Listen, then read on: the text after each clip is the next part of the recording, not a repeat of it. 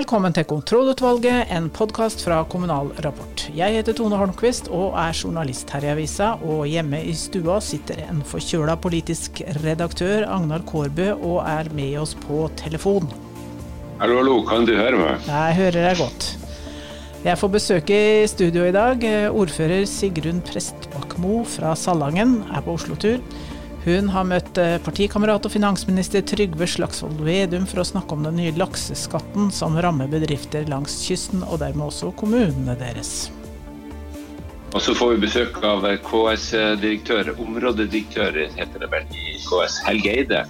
Hva slags forventninger har han til statsbudsjettet som kommer 6.10? Og til slutt på dagsordenen har vi selvfølgelig eventuelt hva gjør ordførerne på fritida? Er dagsorden godkjent, Tone? Ja, dagsorden er godkjent, og dette hybridmøtet, må vi vel kalle det, er satt.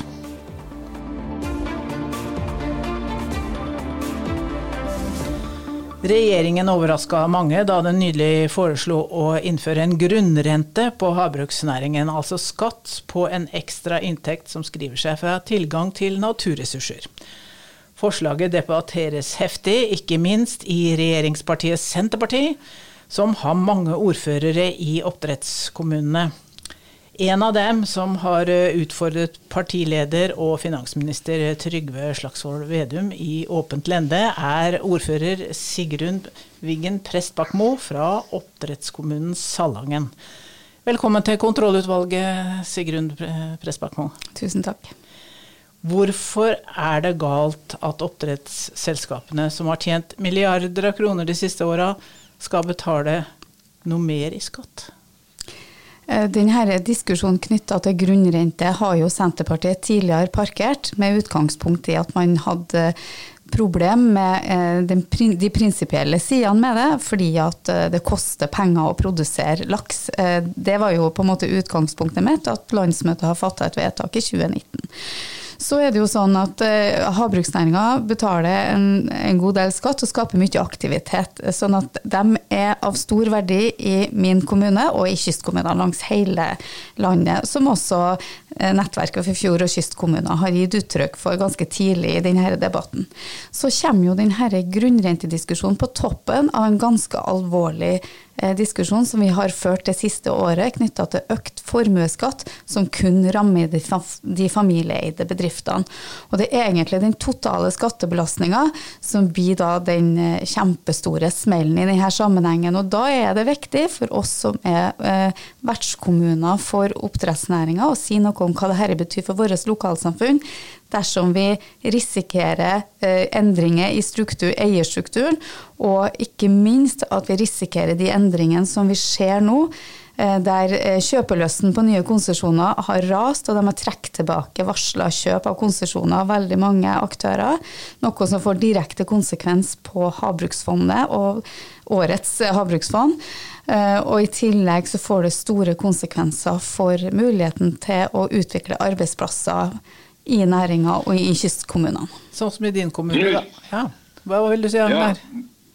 Nei, Uten å gjøre dette for skatteteknisk, uh, ordfører, så uh, har ikke, har ikke regjeringa skjønt konsekvensene av forslaget. For her er det jo ulike skattegrep som ser ut som de kan virke mot hverandre. Jeg skal ikke uttale meg om hva regjeringa har skjønt eller ikke, men her er det fryktelig mange sider som ikke er berørt. Blant annet eh, er det helt åpenbart at man er nødt til å se formuesskattebelastninga for de eh, små bedriftene, de familieeide bedriftene, i sammenheng med det som skjer nå. For det som skjer f.eks. for, for grattangslaks, for salaks og for villskår eh, i Troms, så er det sånn at de rammes faktisk av tre nye skatteøkninger økninger. Det ene er en betydelig økning i formuesskatten. Den får de uansett nå, uansett hva som skjer med auksjonsprisene i år, fordi at de, de, den prisen er allerede beregna, og deres eh, deres eh, verdifastsetting av hver enkelt tillatelse er jo nå på ca. 215-220 millioner. I tillegg så må de betale produksjonsavgift. Eh, det gjør de allerede, som da egentlig er en form for grunnrente på de fem, første 5000 tonnene de produserer. Og på alt over 5000 tonn så skal de da i tillegg betale grunnrenteskatt. Så ser vi at det er en betydelig andel feilkilder her. Eh, og det er ikke så rart eh, at det blir feilkilder, fordi at denne type skattebelastning berører flere ting enn bare rene statsbudsjettall. Så jeg er helt sikker på at de har regna på skjellingen i Finansdepartementet, men jeg er også ganske usikker på at de ikke har regna på de eller ganske sikker på at de ikke har regna på de samfunnsmessige konsekvensene i lokalsamfunn langs hele kysten. Og vi vet at konsolideringa var allerede på gang i næringa før denne saken kom. Eh, og vi er veldig spent på hva som skjer framover. Hva vil skje i din kommune f.eks.? Risikoen i min kommune er jo at formuesskatten, den nye formuesskatten eh, som er beregna, altså den økte skattebelastninga for Salax Salaks på kort sikt, eh, før grunnrenteskatten kom, var beregna til 800% økning i formuesskatt. Og det er klart at det får jo ikke konsekvenser for Salangen kommune før det får konsekvenser for bedriften. Det betyr noe for oss hvem som eier den. Det betyr noe for oss hvor de investerer overskuddet sitt hen. Eh, og vi syns at det er blodig urettferdig at det overskuddet som de vanligvis bruker på å investere i lokalsamfunnet, i arbeidsplasser og aktivitet der, at det skal dras inn til skaten, staten, fordeles over inntektsutjevningssystemet, og da havner selvfølgelig eh, i de mest folkerike eh, kommunene til syvende og sist. Og så har jo Finansdepartementet sagt at vi har jo tenkt å gjøre et vedtak om at vertskommunene skal komme bedre ut. Og da syns jeg det er veldig interessant å se hva f.eks. en kommune som Senja har beregna seg fram til, der de nå har regna seg fram til at på den nye ordninga så taper de 18 millioner i året. Eh, det hjelper ikke om du vedtar at man skal komme bedre ut, for realiteten er en helt annen enn. Så her er det utrolig mye misforståelser som vi kystkommunene er nødt til å hjelpe til å rette opp i. Du har vært der og besøkt Vedum. Eh, hva sa han? Nei, Han eh, insisterer på at høringa er reell, og at vi må bruke den perioden til å gi dem eh, opplysninger som viser de regneeksemplene som vi nå har brukt sånn eh, i denne korte perioden etter at forslaget kommer fram. Eh, at vi skal illustrere eh, de eh, eksemplene godt overfor statsråden, og det er han interessert i å høre på. I tillegg så har vi også eh, bedt om at de gjør en ny vurdering av den nye formuesskatten, som først og fremst rammer de små. Jeg og Aina Nilsen som ordfører i Hassel, vi møtte Jon Trygve Magnus i går, og det gjorde vi fordi vi ønsker jo å spille våre folk gode. Vi ønsker å gi dem kunnskap om hva dette betyr, for vi tror ikke at vi har en politisk ledelse i Finansdepartementet i dag som ønsker å rasere kystsamfunnene. Og da er det utrolig viktig at vi bruker høringsrunden godt, at statsråden og hans stab lytter godt, og at de faktisk er villige til å ta inn over seg de store konsekvensene vi ser det her eh, får både på kort og lang sikt. Du er ikke redd for å bli holdt som gissel for en oppdrettsnæring som jo, du selv påpeker, er sammensatt, men som domineres av noen store aktører som har tjent voldsomt mye penger de siste årene? Altså, jeg er jo av de distriktsordførerne som mener at et eh, livskraftig og selvstendig lokalsamfunn og en livskraftig og selvstendig kommune forutsetter at du har en god blanding av offentlig og privat sektor. Og det er klart at uh, Salang kommune f.eks. vi skårer jo dårlig på NHO sitt uh, kommune-NM. Og det er jo fordi at vi har en forholdsmessig stor andel offentlig ansatt eh, sysselsetting, blant annet. Og, og, verdiskaping og arbeidsplasser det er jo eh, av betydning også i en kommune som Salangen, ikke bare i Oslo. Eh, og jeg syns jo det er blodig urettferdig hvis vi havner i en situasjon der man bruker Altså der man tvinger distriktskommuner til å velge mellom en ok kommuneøkonomi og på den ene sida, og, og, arbeidsplasser og aktivitet på den andre sida. Vi ønsker jo faktisk å ha de arbeidsplassene fordi at de er med å gjøre eh, lokalsamfunnet vårt rikere, ikke bare på penger, men på livskvalitet og bolyst. Er denne saken her egnet til å svekke Senterpartiet ytterligere i en allerede vanskelig situasjon? Altså, den er jo egnet til å uh, definitivt eh, stille spørsmålstegn ved Senterpartiet sine intensjoner i regjering, og det tror vi ikke er intensjoner om å uh, bryte ned distriktskommunene. Uh, men det er helt åpenbart at det er en del informasjon som ikke har vært tatt til vurdering i Finansdepartementet i denne sammenhengen. Og nå vet jeg at jeg er litt høy og mørk når jeg sier de her tingene, men jeg har belegg for å si det, for det er utrolig mye feilkilder. F.eks. knytta til det som går på investeringsfradrag, der Finansdepartementet eh, omtaler investeringsfradrag som at ja, det får man når man betaler grunnrenteskatt, Men vi vet jo også at de investeringene som gjøres på land i havbruksnæringa, som er bærekraftsteknologi, som er slakteri, som er smaltfabrikker, og som gir de største omfanget av arbeidsplasser, de investeringene de er ikke fradragsberettiga. Eh, det blir hevda fra departementet, men det står ingen sted i høringsdokumentet at det er noe annet enn investeringer til sjøs som er fradragsberettiget. Og det er på en måte bare én av feilkildene. Mm. Det her eh, tror jeg vi kommer til å snakke mer om, eh, Pressbakkmo. Eh, takk for at du kom hit i dag. Takk for muligheten.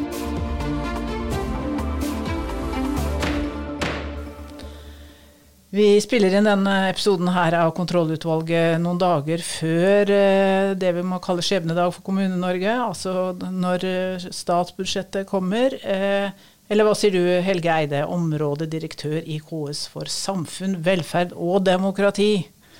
Er, du spent på dette statsbudsjettet?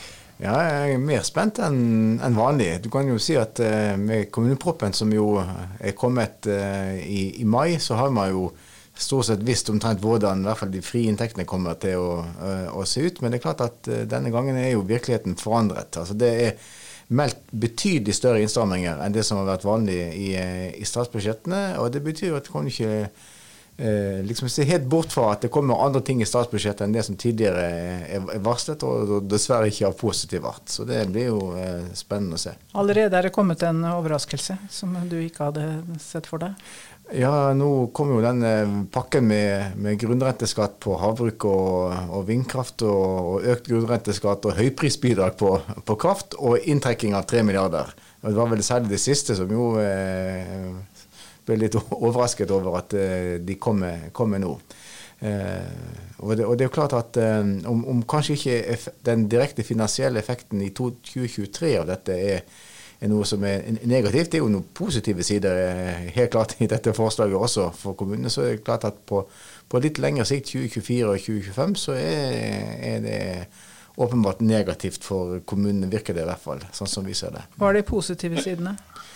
Ja, Det positive siden her var jo eh, på at halvparten av inntektene fra grunnrente på havbruk eh, og på vindkraft skal gå til kommunene. Så jeg tror særlig vindkraftkommunene var stort sett eh, grad positive eller fornøyd med forslagene som kom da. Det er jo en økt eh, produksjonsavgift for, for vindkraft. Eh, og og naturressursskatt, selv om det i liten grad går til alle vindkraftkommunene, men går til kommunesektoren generelt. Så det var de positive sidene av, av sakene. Men det er klart at særlig på vannkraft så, så, vil jo dette få negative konsekvenser for utbytteforventninger i, i, i, i framtiden. Eh, og for havbrukskommunene så kan det påvirke auksjonspriser i negativ art også. Mm, men, Hvis vi går tilbake igjen til utgiftssida på statsbudsjettet, hvor kan vi regne med at det kommer kutt som kommunene vil merke? Ja, det, altså, vi vet jo veldig lite, og de holder jo kortene tett til brystet på akkurat, uh, ak akkurat det. Men, men uh, uh, vi vet jo tidligere i, i, eller har grunn til å tro, for å si sånn, i tidligere regjeringer så har det vært sikkert diskusjon om man skulle man innføre sånn effektivitetskrav til kommunene og, og trekke det i, Eh, i rammene. Så aner vi ingenting om det eh, nå, men, det er klart at med den endrede virkeligheten, og hvor de da leter etter 100 milliarder kroner for å stramme inn, så er jo, jo, også det har sikkert det vært på bordet i, eh, i, i regjeringsdiskusjonen. Så, så, det er jo sånn, sånne ting som liksom blar fort opp i, på statsbudsjettet 6.10 for å se om det ligger ligger noe sånt eh, inn der. Ellers er det nok sånn at eh, mer på alle disse eh, tidligere signaliserte satsingene det ikke kommer noe. Eh, Hurdalsplattformen var jo veldig tydelig f.eks. På, på satsing på eh, fylkesveier, på, på eh, vedlikehold og, og, på rassikring. Så, det tror du ikke kommer? Altså, Hvis man leser finansministeren og statsministeren Det kan ikke være et eksempel på noe som jeg tror ligger tynt an. altså Videre opptrapping på, på sånne, sånne, ting som, som det. Så Da vil jeg heller si det sånn at, at skulle de greie å, å, faktisk følge opp og trappe opp videre opp mot det som er lovet i, i Nasjonal transportplan, og hvor regjeringspartiene nå eh, ønsket mer enn de foregående regjeringspartiene, da, da vil det bli positivt overrasket, eh, heller for å bruke det uttrykket. Altså, Hvem blir vinner og taper, tror du? Det ligger vel litt an til at uh, samferdselsministeren uh, ikke har så mye å rope hurra for. Nei, Han har jo vært veldig tydelig på å varsle det allerede. Ja. At, at uh, her er det flere prosjekter som blir utsatt. Og, og, når det gjelder det, så har ikke KS pleid å ha noen sterke meninger, men det er jo helt åpenbart at fylkesordførere og ordførere rundt omkring sikkert kommer til å reagere kraftig og negativt på, på det som da blir skjøvet ut i, i tid. Mens, hvor anstrengt er kommuneøkonomien, og hvor tøff blir budsjetthøsten til høsten? for lokale politikere? Ja, altså, i, i utgangspunktet så eh, er jo ikke kommuneøkonomien, har jo ikke kommuneøkonomien vært veldig anstrengt. Vi har jo fått en kompensasjon gjennom eh, koronatiden som jo i hvert fall fram til 2022 eh, har dekket eh, merutgiftene. Og, og, alt som er sagt om, om størrelsen på disposisjonsfond eh, i kommunesektoren er jo riktig. Så, så, så, det er liksom ikke grunn til å rope krise for sektoren samlet ved inngang til 2022. Eh, men, men, vi vet jo at sant, prisveksten som har vært nå, særlig på, på, strøm selvfølgelig, men også på byggevarer, som jo også kraftkommunene og, og eierkommunene opplever i like stor grad som de andre, det slår, slår kraftig inn eh, i, i, i, kommuneøkonomien. Så, så når vi starter på, på 2023 Eh, så eh, er det i, eh, i, en situasjon som er langt mer krevende enn hva vi trodde for et halvt år tilbake, for å si det sånn. Og da avhengig av hva som kommer i statsbudsjettet, så tror jeg vi må være forberedt på at det kan bli enda tøffere runder i kommunestyrene nå i, i november og desember enn hva det har vært i fjor. Det får vi vite altså på torsdag 6. oktober. Takk til deg, Helge Eide.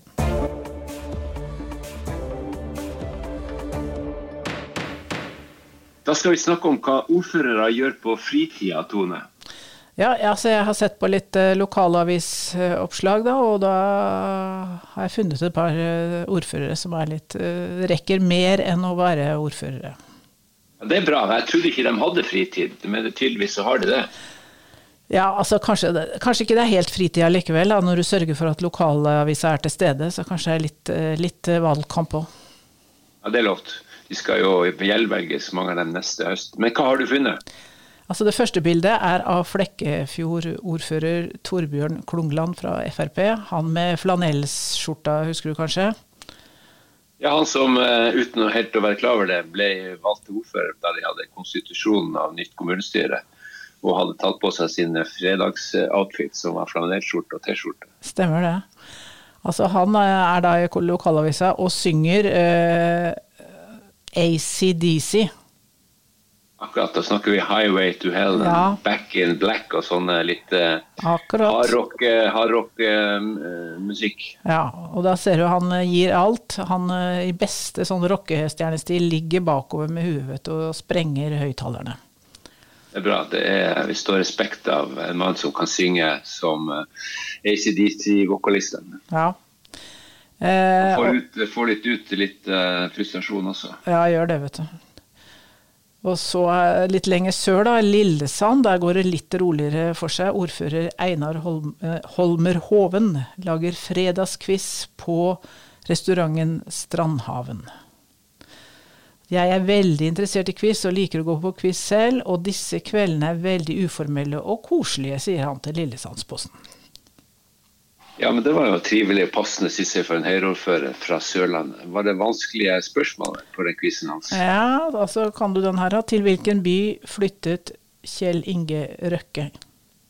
Det var ikke til Kristiansund, jeg tror det var til Lugano, der han slipper å betale formuesskatt. Men han kunne ha valgt Bø i Vesterålen. Han kunne det, men det gjorde han ikke. Dette da, kan du den. Eh, hvilken bransje har holdt til i Fleet Street i London fram til 1980-tallet? Det var avisene. Det var pressegata i London. Absolutt, det var det. Riktig. Da tror jeg vi hever møtet. Det gjør vi. Det var vi to, Tone Holmquist og Arna Korbe, som lagde denne podkasten. Britt Sofie Hestvik er ansvarlig redaktør for Pod nettavis og papir. Vi er tilbake neste uke.